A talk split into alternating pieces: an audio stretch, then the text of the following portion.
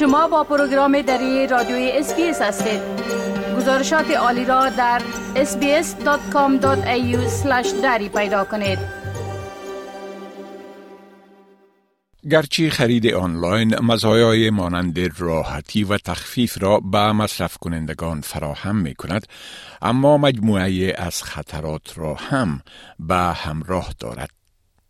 در حالی که بسیاری از خردفروشان آنلاین معلومات شخصی را قانونی جمعآوری می کنند، فریبکاران یا کلاهبرداران هم از افزایش تجارت آنلاین برای هدف قرار دادن استرالیایی های آسیب پذیر استفاده می کنند.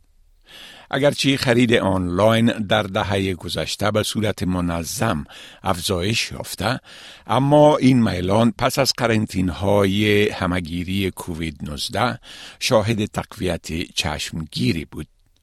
طبق تحقیقاتی که اخیرا به نشر رسیده تقریبا از هر پنج استرالیایی یک نفر حداقل یک مقدار از مواد غذایی خود را به صورت آنلاین خریداری می کند مطالعات دیگر نشان می دهند که خرید آنلاین از سوپرمارکت به تنهایی در طول همه‌گیری تقریبا سه برابر شده است.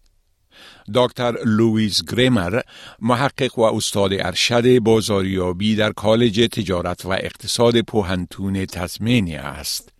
او می‌گوید اگرچه برخی از خردفروشان بزرگ قبل از همگیری فروشگاه های آنلاین خوبی داشتند اما این بحران بسیاری از تاجران را مجبور کرد که یک وسیله فروش آنلاین را ایجاد کنند یا تسهیلات و خدمات دیجیتال یا اینترنتی موجود خود را بهبود بخشند. Before the pandemic, about only 40% of Australian consumers shopped online. Now, as we move through the pandemic and people had to shop online, that figure has increased markedly and about 50% of consumers now, you know, regularly shop online. دکتر گریمر توضیح می دهد که بسیاری از خردفروشان به خاطر حفظ کسب و کار خود بر علاوه ارائه مزایا یا انگیزه های دیگر وبسایت های خود را به منظور فراهم کردن خدمات بهتر به مشتریان و گزینه های رساندن اموال به آنها تقویت کردند. او می‌گوید اگرچه وبسایت های خردفروشی آنلاین اکثرا با اعلان و تبلیغ معاملات فروش یا پاداش دادن به مشتریان با کوپون ها فراهم کردن انگیزه های پس پرداخت یک مقدار پول و پیشنهادات خاص به مشتریان در صرف جویی پولشان کمک می کنند اما مشتریان باید بدانند که این فروشگاه ها همچنان می توانند معلومات شخصیشان را جمع آوری کرده و روش و میلان خرید آنها را بررسی کنند. Most retailers these days, or big retailers, but even small retailers too, have some kind of loyalty program where you give over your information, say your email address, and you might get something back in return. Sometimes it's a discount, uh, sometimes it might be a voucher for you to spend at a later date. Now, obviously, they're going to be tracking what you do on the website, and you obviously have to hand over some of your personal information. مراجع تجارتی ممکن از ذخیره های معلوماتی یا دیتابیس حاوی اطلاعات مشتریان برای اهداف بازاریابی قانونی استفاده کنند. همچنان ممکن در صورت مجاز بودن به اساس توافق استفاده کننده از آنها به صورت قانونی کسب درآمد شود یا برای فروش به کاروبارهای سومی گذاشته شوند. اما این معلومات مجرمان سایبری و هکرهای را هم جلب می کند که در صدد استفاده از آن به نفع خود هستند زیرا اطلاعات شخصی می تواند به خاطر کسب منفعت در بازار سیاه فروخته شود. یکی دیگر از خطرات خرید آنلاین مقابل شدن با فروشگاه های اینترنتی جعلی است که توسط کلاهبرداران و فریبکاران برای سرقت پول یا هویت مردم تأسیس می شوند. دلیا ریکارد معاون کمیسیون رقابت و مصرف کننده های استرالیا می گوید که فریبکاران اکثرا محصولات را در وبسایت های مغازه های جعلیشان بسیار ارزان اعلان می کنند. But what scammers do these days is they set up fake shops either on the internet or more and more frequently on social media. They advertise products often with very low prices or amazing benefits that are too good to be true. خانم ریکارد می گوید اگر وبسایت روش های پرداخت غیر عادی یا غیر معمولی مانند حواله های مخابراتی اثار دیجیتالی یا کوپون ها را تقاضا کند احتمالاً فریبکار است. او هشدار می دهد که فریبکاران آنلاین همواره هویت نهادهای استرالیایی را به خاطر ایجاد اعتبار جل می کنند. often they will pretend to be an Australian company, use an Australian ABN number, um, which they've stolen. So that doesn't give you, it shouldn't give you great confidence.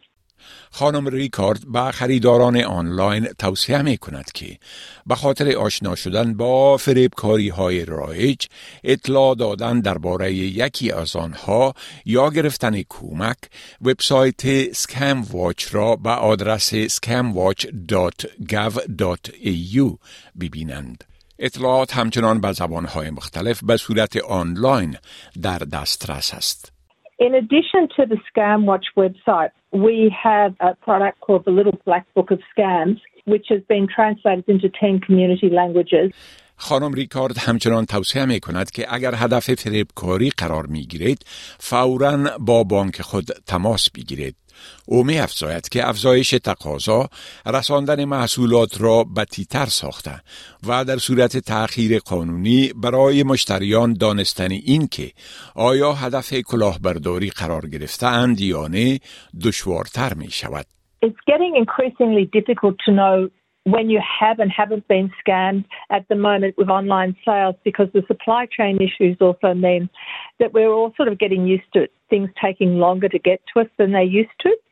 And that's a problem because the quicker you recognise you've been scammed and let your bank know, the better you can protect yourself. به هر حال خانم ریکارد اعلامه می کند که بسیاری از فریبکاری های آنلاین به خاطر به دست آوردن اطلاعات شخصی تشخیص دهنده مانند نام سن و آدرس مردم تراحی می شوند معلومات مطلوب دیگر شماره جواز رانندگی و پاسپورت است. از این فریبکاری ها معمولا برای سرقت هویت افراد استفاده می شود. خانم ریکارد از هر کسی که فریب خورده و معلومات شخصی خود را در اختیار دیگران قرار داده باشد می خواهد که به صورت فوری با سکم واچ تماس بگیرند. شما همچنان می توانید با idcare.org یک سازمان تمویل شده از جانب حکومت که در مجادله با سرقت هویت کمک می کند به تماس شوید. دکتر گریمر همچنان به خریداران آنلاین توصیه می کند که قبل از دادن پول یا معلومات شخصی مجددا معلوم کنند که وبسایتی که به آن مراجعه می کنند معتبر است یا نه. So you can see over on your browser when you've got the URL of the retailer, make sure that there is the little padlock icon because that means it's a secure site that you're shopping with. You can also do some searching on the web to see that it's a well-known store and that other people have shopped there and had a good experience. You can look at things like reviews and ratings.